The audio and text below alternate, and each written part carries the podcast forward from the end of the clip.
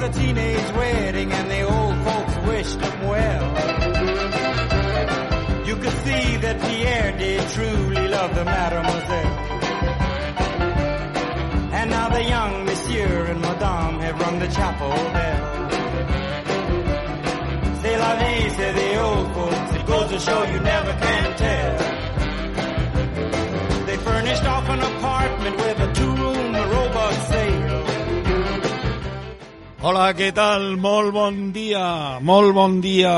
L'últim dia del mes de febrer estem a 28 i com heu escoltat són les 12 del migdia, esteu a la 107.4, Calaix de Sastre, un programa que fem entre Felipe García, bon dia Felipe. Molt bon dia, Tomàs, molt bon dia. Molt bon dia, ja has deixat el cap de setmana avorrit darrere, no? Sí, sí, Clar, la veritat és que pa què? Clar. Tan curtet és que Exacte. no val la pena. A Eh, mi bé. m'agraden els di de dilluns a divendres. Exactament, de dilluns a divendres, que és Eh, On no t'avorreixes. O no t'avorreixes, sempre hi ha algo que fer.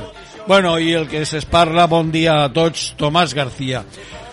Bueno, ja sabeu que ara vos direm notícies, ja no diguem el temps, ja no diguem l'oratge perquè no n'acertàvem una. I entonces, pues, Però no, notícies especials, Però eh? notícies especials, especials. Ah, Curioses. per cert, per cert. Entrem ja demà, ja març i ja entrem quasi com aquell que diuen falles. Setmana de la dona. Falles, què més volem? Ho tenim tot. També vos direm alguna novetat del cine.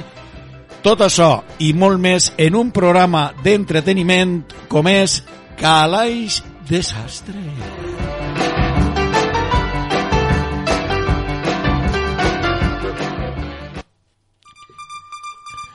Bé, Tomàs, pues ja comencen les notícies curioses. Vale, i tan curiosa, perquè diu que, atenció, este home va ser detingut per no retornar una pel·lícula de VHS que va jugar fa 14 anys.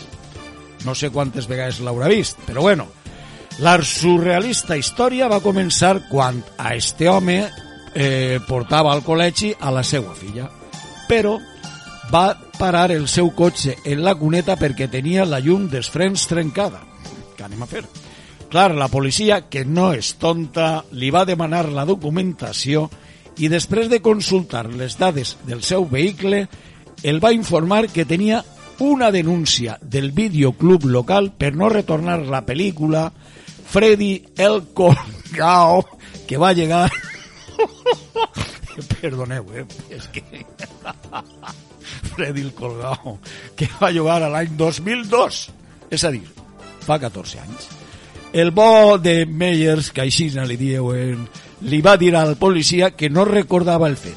Encara així, la gent de la llei va ser molt amable perquè li va permetre que portara a la seva filla al col·legi, això sí, i que després anara a treballar amb la condició que es presentara en comissaria la vesprada per aclarir a veure què havia passat en el colgao.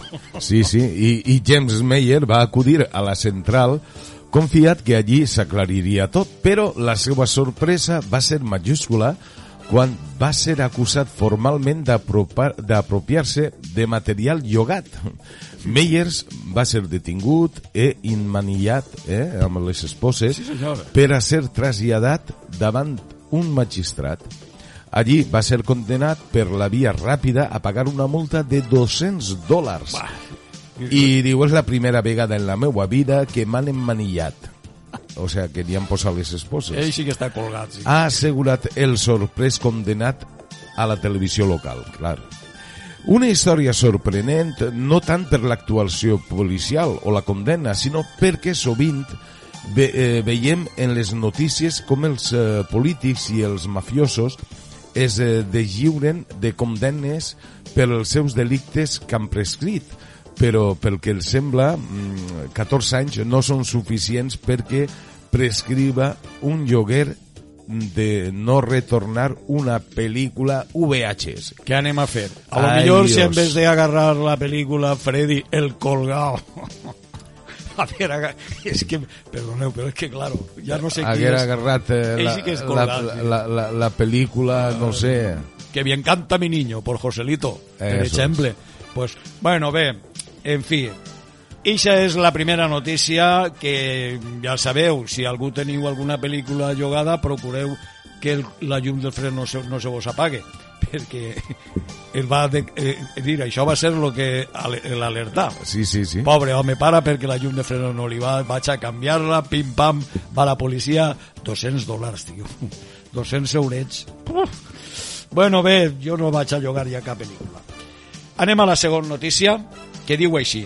Els obliguen a prendre un examen en roba interior per evitar que es copien. Què, què? Bueno, ahí no n'hi ha forma d'amagar la xuleta, o sí. O sí, depèn de la xuleta, com siga.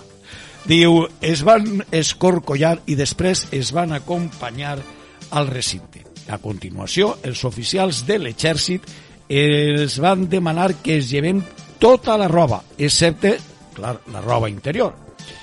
Va assegurar l'home este que diu un Haris Kachambu Kumar de 21 anys.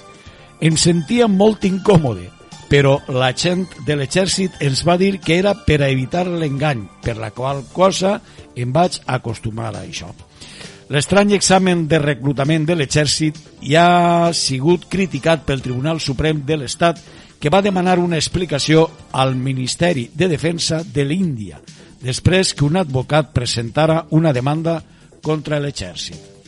Sí, la decisió de demanar-li als candidats mm, mm, prendre els exàmens sense camisa, pantalons o jupetí és simplement ridícula, va dir l'advocat Dino Kumar.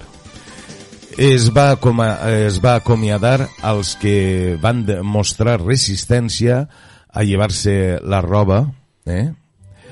I es va acomiadar i... És que això és un insult. Sí, vamos, És és, que, és que és molt fort, eh, és molt fort. Diu que, no obstant això, no? Diu que els agents responsables de l'exorbitant exigència no semblen tindre remordiments, no, Felipe? Sí, sí, el director va dir que els eh, va demanar al, a, als més de mil candidats eh, els va demanar despullar-se de la seva roba interior i asseure's en un camp obert per a evitar que amagaren cap de mena de, de, de matxeig eh, de la seva roba o els escriptoris o ca i cadires Ah, i per cert, eh, els senten en terra. sí, sí, sí dir o sigui, que- se, no podien amagar-ho per cap lloc Imagina't que la pedra tinga, acabe en punta. I ho va dir, pues, eh, tinc dret a prendre totes les precaucions necessàries. En l'últim any hi ha sigut dos casos de candidats que van amagar anotacions i telèfons mòbils en els seus jupetins i peces interiors. Va declarar a l'agència Press eh, Trust of l'Índia. Això, pues, eh, bueno, no, no, no me cap a mi en el cap, Crec però... que no però, fi. va a aprovar ningú. Bé, pues, eh, per a desempalagar. Va un endevinar ja? Va, anem allà. Toma! Adiví, adiví, adivínalo. Toma. Cuando escribas, fíjate. Toma. Bueno, va, dic jo la primera. Sí, va. Esta vegada són fàcils, eh?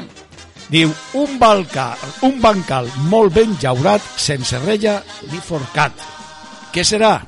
Espereu-se fins al final. al final del programa, però aneu pensant, eh? Repetix-la, si vols. Un bancal molt ben llaurat, sense rella ni forcat. Molt bé. Vaig jo amb la segona. La segona diu, una casa plena de gent. Toque, toques i ningú sent. Què serà? Què serà? Què és lo que? Bueno, pues no se n'aneu, tranquils, encara queda programa, aneu calfant-se el, eixe, el terrat, El terrat. el terraet, no? Sí. Bé, eh, Ara, si... ah, sí, anem a, a desempalagar amb Va, música. va, va, Eh? eh? a veure, què vas a posar? Pues mira, jo te vaig a contar que eh, és una cançó de Manolo García. Atre García, tu. O sea, Tomás García, Felipe García i Manolo García. El Pues que al meu faltava cunyat pa, també li diuen Manolo García. pa, pa, pa el, el que faltava. És que tenim clar. Bueno, pues la canción de Manolo García es Todo es ahora. Todo es ahora es el sisè àlbum d'estudi del músic espanyol Manolo García, publicat per la companyia discogràfica Sony Music al novembre de 2014. L'àlbum, gravat entre Nova York i Avionet Puigventós, Girona, amb músics eh, com eh, Shashari Alfort, que és bateria, Hell Slick, el guitarra, eh, Jerry Leonard també toca la guitarra, guitarra. va ser precedit del llançament del senzill És mejor sentir, del 22 de setembre. Després de la seva publicació Todo es ahora, va aconseguir el segon lloc en les llistes de discos més venuts d'Espanya i va vendre més de 80.000 còpies en un mes, per la qual cosa va ser certificat doble disc de platí per promu, promu, Promúsica. Sicae, Que ànima. Promúsica. 80.000 còpies. Això Bé, és una pues, barbaritat. eh, què, què millor que escoltar-la per a saber que sí. todo es ahora, ¿no? eh, que todo es ahora. Anem.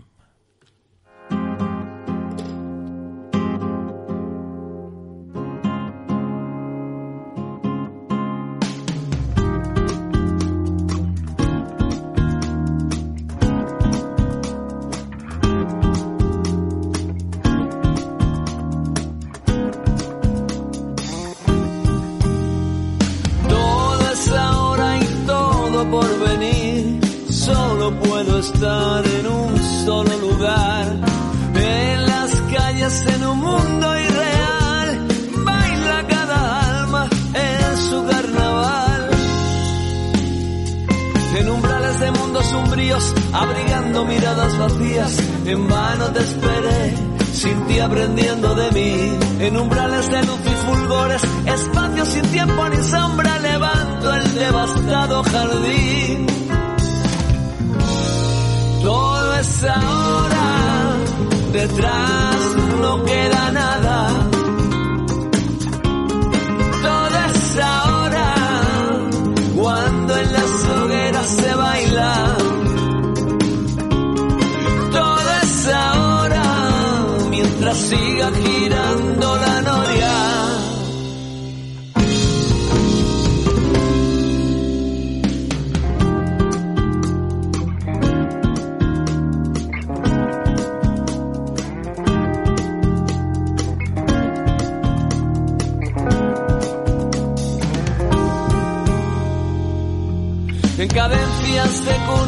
buscando un sereno cielo, allí me realicé, aprendiendo de todo vivir. Donde arden relojes sin horas, entre vidas que celadas no avanzan. En el vacío tuve que ser, mientras iba aprendiendo de mí. Todo es ahora precario y falaz, coraje de hombres que se han de revelar, ciudades de viento que la arena de barrer, que la paz de las mañanas volverán a crecer.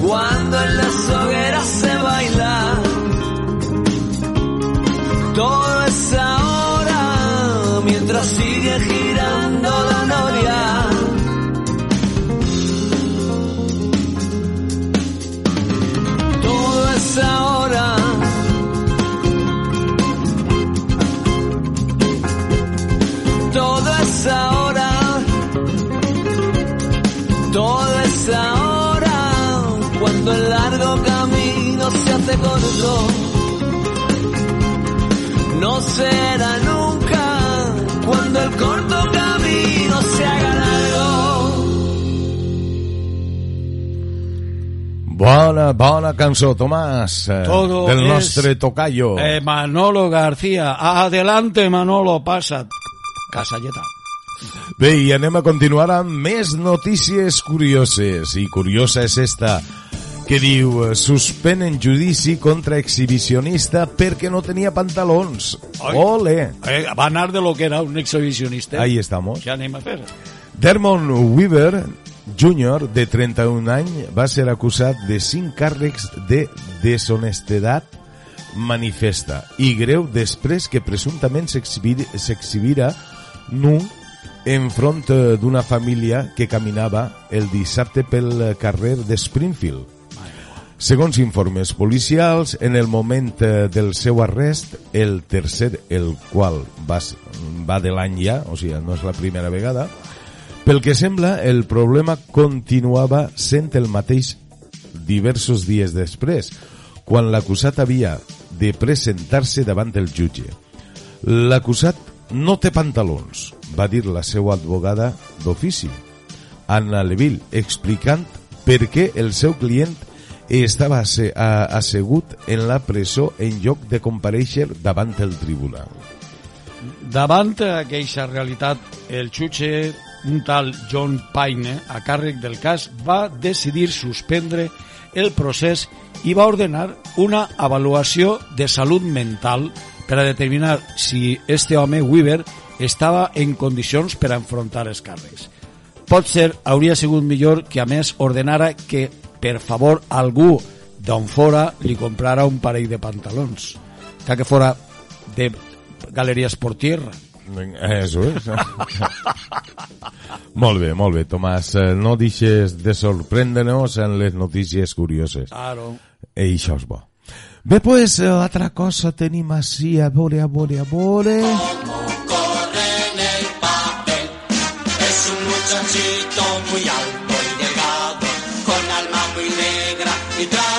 Anem a repetir, a travegar, Ah, perquè jo- ja recordeu que hem dit al principi... Claro, jo no sabia que la cançó com, començava per altra cosa que no era per adivinar-lo. Ah, És que jo la meva infantesa va ser molt delicat. Bueno, va, Felipe. Va, pues, Eh, a, a, anem a alterar l'ordre del, Del pro- producte. del producte. Ara llijo la primera. Vale. Un bancal molt ben llaurat, sense reia ni forcat. Anem a veure... Jo encara no la sé. Encara no la sé. I després, esta segona... Esta és fàcil, eh? Una casa plena de gent.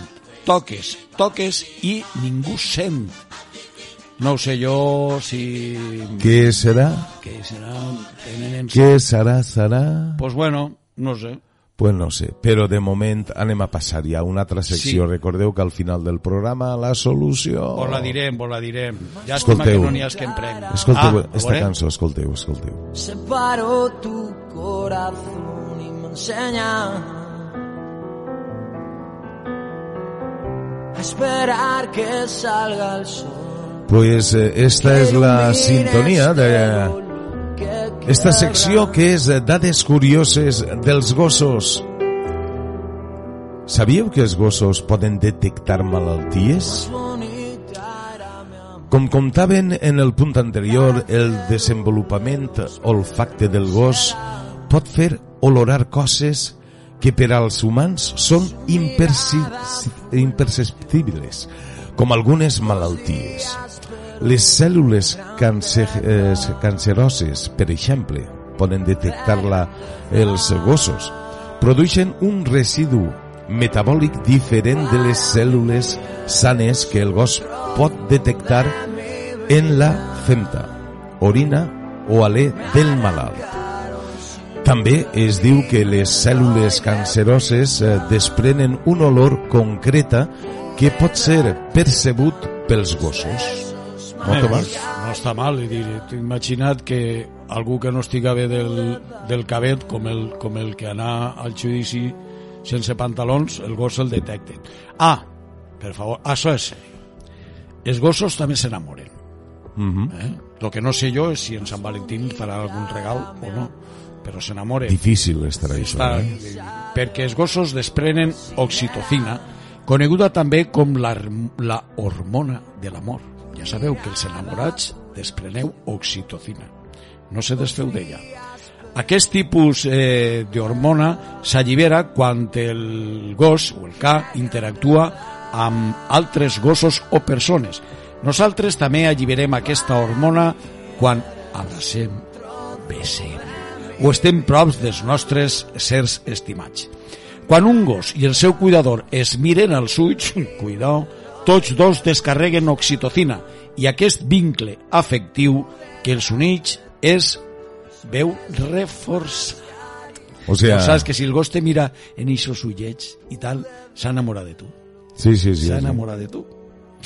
Pues bé, també... no sé home, si fora... No, home, des de- està bé, està Des de bé. luego està clar que és l'animal eh, més fel Home, que, que, que tenim, la fidelitat de- d'un gos Sí.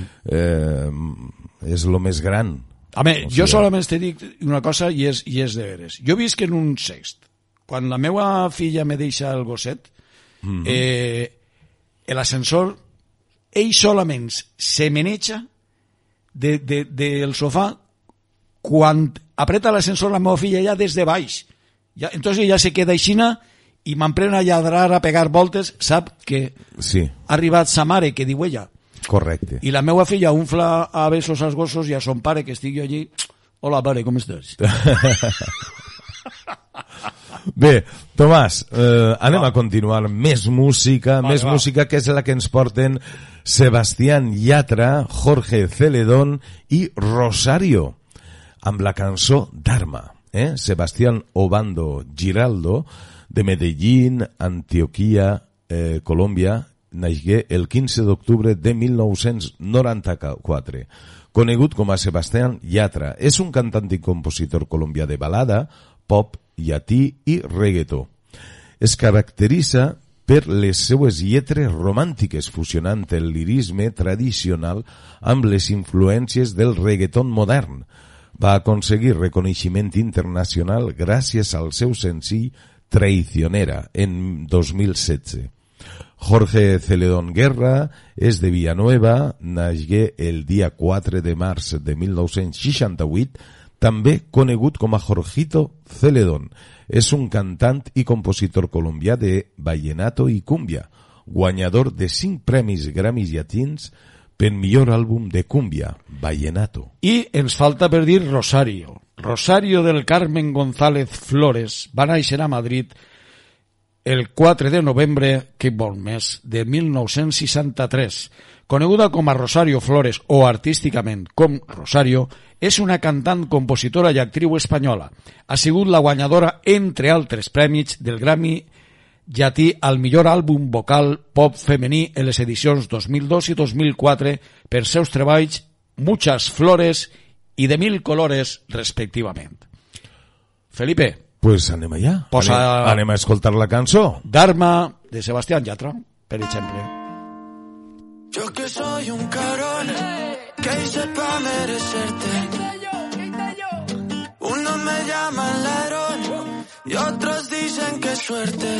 Pero yo creo que tuve que haber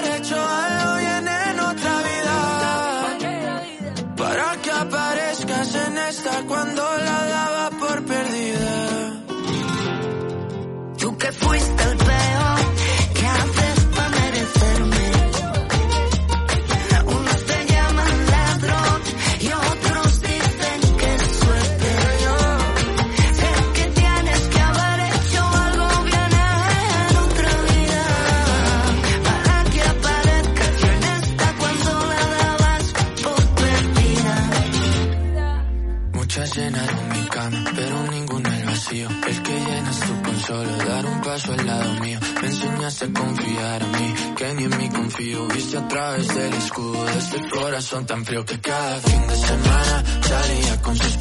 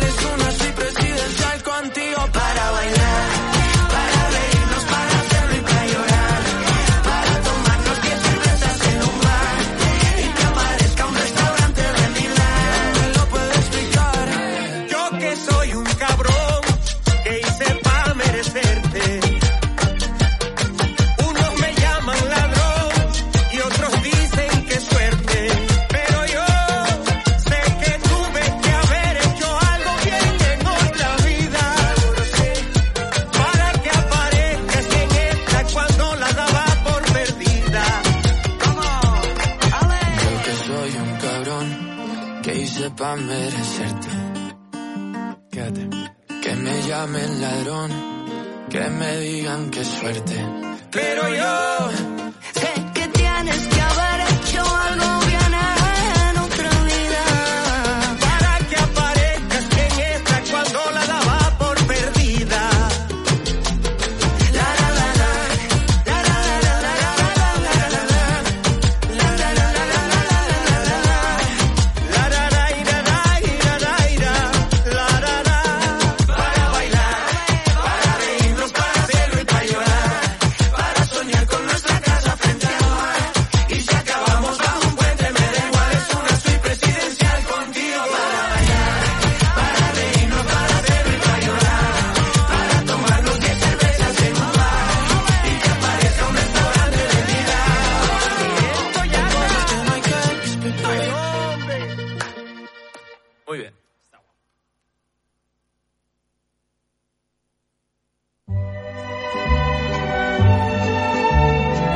tire jo de menos el cine?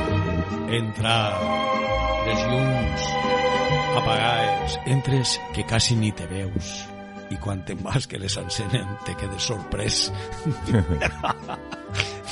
veure el desastre que n'hi ha, és la veritat. Que eh, bonico. Moltes, moltes vegades. Que bonico. Però no, és bonico perquè estàs en la teua parella i al costat, te'n vas a veure Rambo, sèptima vez. Bueno, bé. Que emoció. Sí, sí, no. Rambo o Isa de Joselito, Que romàntic. el ruiseñor, un pequeño ruiseñor. Oh. Coses així, però no, no vos anem a parlar d'aixes pel·lícules, vos anem a dir les que ara... Bueno, posa el tràiler de la primera, Felipe. Me gustaría presentarle a alguien, Marquesa. Procede de Angulema. Lucien de Rubempré. Para servirla. Para él la poesía es algo sagrado. Casi una religión personal. Qué insensatez irnos juntos. Bé, pues eh, la pel·lícula és Las ilusiones perdidas. És una pel·lícula francesa, és un drama i el director Gi- Javier Giannoli, no, Giannoli, no? Com, com, com, com, com, com? Ja, Javier Giannoli. Oh, yeah. Vale. Diu que la pel·lícula està ambientada en el segle XIX. Lucien, un jove francès, somia a forjar el seu destí com a poeta. Ai. Per això abandona el seu lloc eh, natal i se'n va a París amb l'ajuda del seu mecenes. Bueno, la pel·lícula és una adaptació de la novel·la de... Felipe, dius tu, Honores de Balzac. Honoré de Balzac. Molt bé. Las ilusiones perdidas. Les illusions perdues. Vale, jo sabia... Estem, no estem en el Tour de França. Eh? Bé. Molt bé, Felipe, gràcies Sí. per traure'm de l'apuro. Si vos agrada Podeu el títol anar, i... Bé, és una pel·lícula entretinguda. Eh? Com has dit que se diu?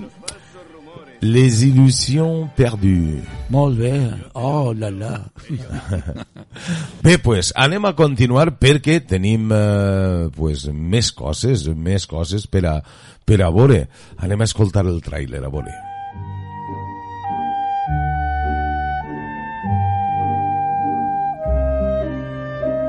Mi padre no es diferente a cualquier hombre poderoso. Es un hombre responsable de otros muchos.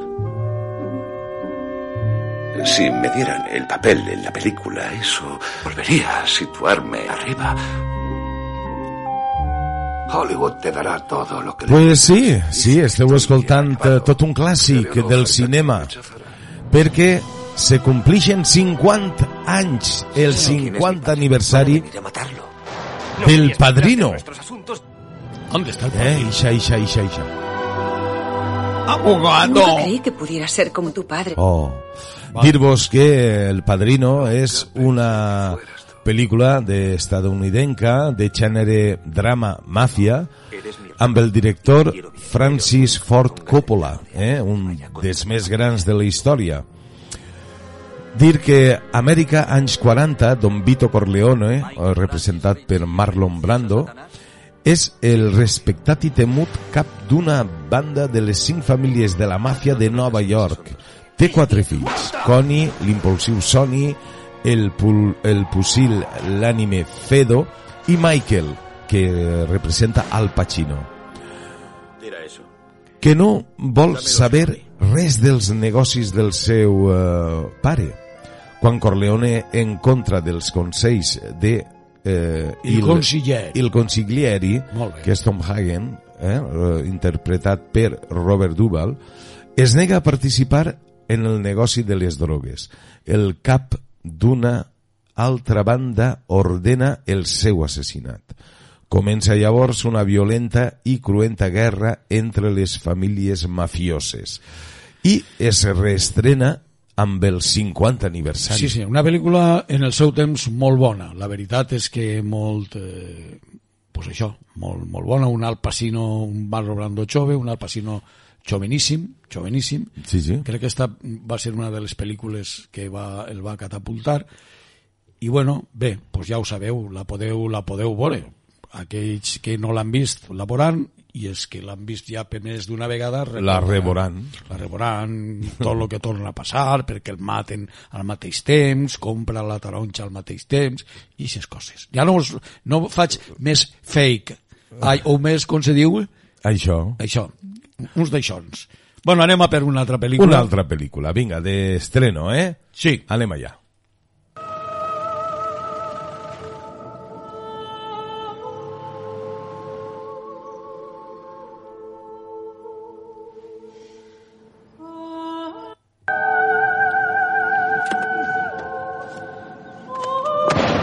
Escopetà. toma, aquesta sí, Pregunta si treballen al carbó. Carbón. està en el tir de Colom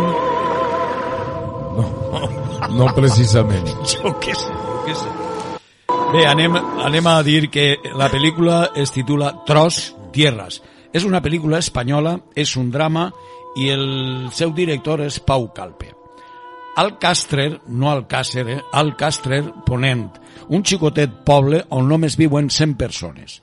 Joan, un llaurador vell i malcarat, està cansat de patir robatoris en la masia, per això li diu el- l'apellido al que entra a robar, i decideix sumar-se a la ronda nocturna de llauradors que, vi, que vigila les terres.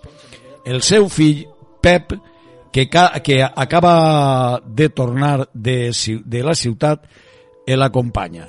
I no m'estranya que este home traguera l'escopeta i li diguera l'apellido Xcabrat. Bueno, perdó, això no se diu en la ràdio. Sí, ho dia. Eh, però ho diu en el tràiler, ho diu en el tràiler. Lo que no sé si era això o carbón. No, diria així. carbón.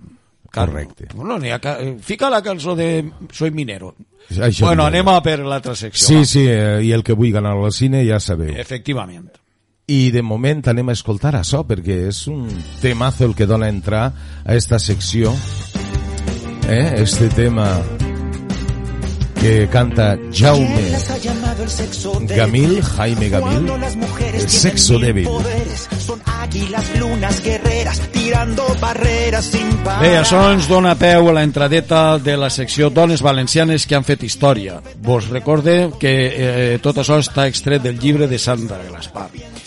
Eh, N'hi ha científiques, inventores, esportistes, músiques, pintores, moltes dones que han nascut o viscut en la nostra terreta han deixat una empremta inesborrable gràcies al seu talent, esforç i tenacitat. En este programa volem rendir un xicotet homenatge a totes elles. I de qui anem a parlar avui? No se n'aneu, quedeu-se. Anem a parlar d'Anna Lluc Hernández, que és l'experta contra el càncer. Ana Maria Lluc Hernández va néixer a València el 13 de febrer del 49. És una metgessa espanyola i investigadora en oncologia, especialitzada en càncer de mama. És catedràtica de Medicina a la Universitat de València i cap de servei d'hematologia i oncologia de l'Hospital Clínic Universitari de València. Encara que nascuda a València, va ser criada a Bonrepòs i Mirambell i és veïna de Meliana. Saps què és l'oncologia? Es tracta d'una especialitat de la medicina que estudia el tractament d'una malaltia greu, el càncer. Moltes persones moren de càncer a pesar dels esforços que es fan per a combatre'l. Per sort, entre els professionals de la medicina s'han proposat plantar cara a aquesta terrible malaltia i a Anna Lluch, l'oncòloga referència a la nostra terra. Ben pronte, Anna va destacar en els estudis de la medicina, eh, fins al punt eh, que va ser premià extraordinari de la seva promoció. Ha publicat eh, més de 200 articles sobre aquest tema i se li considera una experta. Ha col·laborat amb els centres d'investigació internacionals més prestigiosos.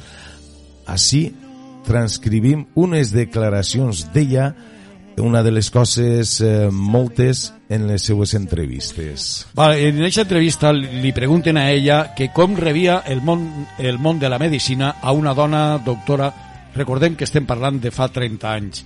Ella, ella, i ella ha contestat que els seus inicis professionals van ser, diguem, que diferents dels que serien ara, en el sentit que eren molt més els homes metges que les dones, o que volien ser metges nosaltres havíem de tindre un comportament molt estricte perquè no estava tan acostumbrat a tindre dones en el món de la medicina.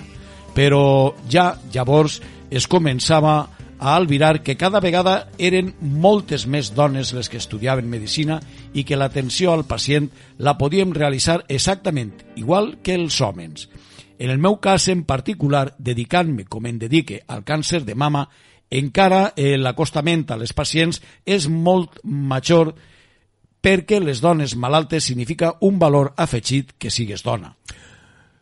Pregunta, les dones s'enfronten ara d'una manera diferent d'un diagnòstic de càncer de mama? Sí, les dones han perdut una mica la por perquè saben que no perden un òrgan eh, tan femení com eh, és la glàndula mamària. El 60-65% de les dones no tenen per què perdre la mama i això és molt important per a elles.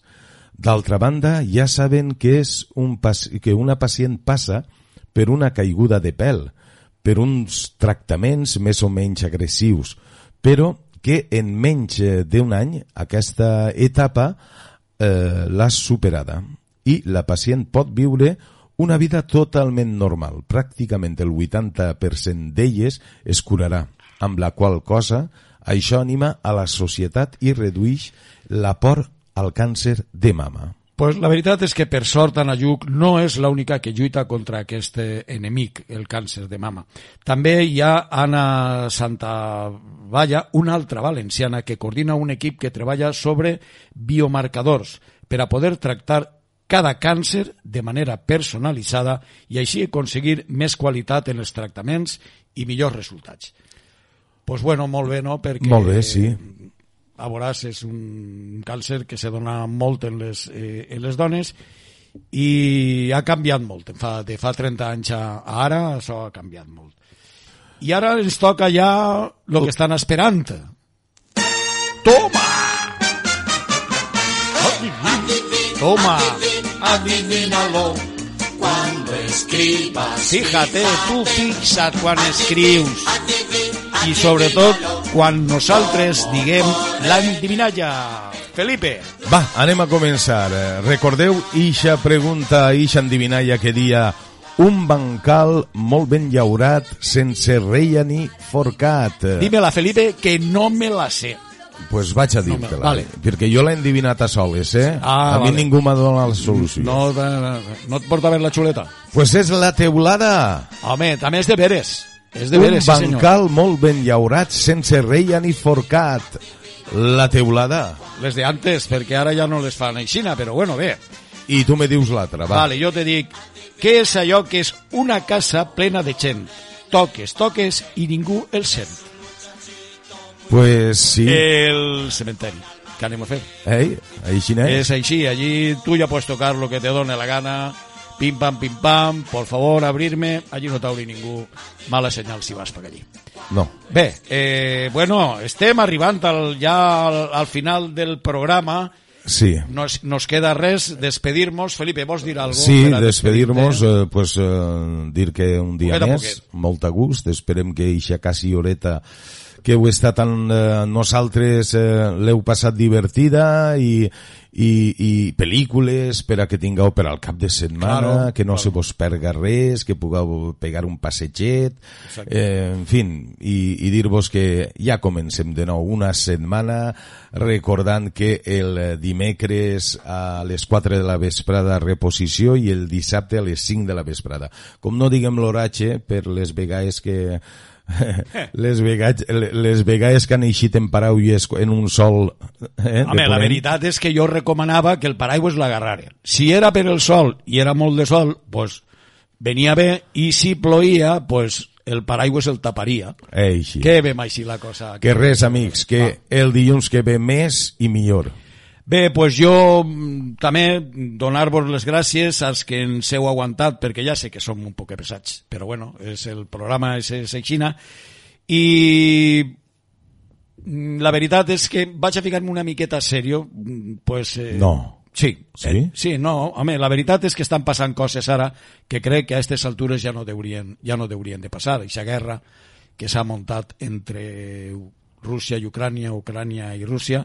Simplement tinc que dir que, per favor, no n'hi ha ninguna guerra justa ni ninguna pau injusta. I hace l'amor i no la guerra. Efectivamente, sobretot... Eh, a veure, en quina cançó s'anem a despedir, Felipe? Pues anem a despedir-se amb una cançó de Romeo Santos i Teodoro Reyes. Eh? La cançó diu Ileso. I, i Xir Ileso d'un amor, i això ja és gran, eh? Ahí ja que... Això ja és ja molt que gran. molt, També, ja. Tomàs, no volia anar-me'n sense dir que esta setmana és la... Comença ja els actes, les setmana. activitats de la Setmana de la Dona. Clar, eh? clar. O sigui que anirem informant eh, Mm. sobre totes les activitats diàries Perquè n'hi ha tots els i ja dies, estan no? en marxa N'hi ha tots els dies. tots els dies. Tots els dies partir hi ha de alguna demà, activitat. Demà ja. A partir de demà mateix. Demà, o sigui que... Uah, mare de Déu, mare de Déu.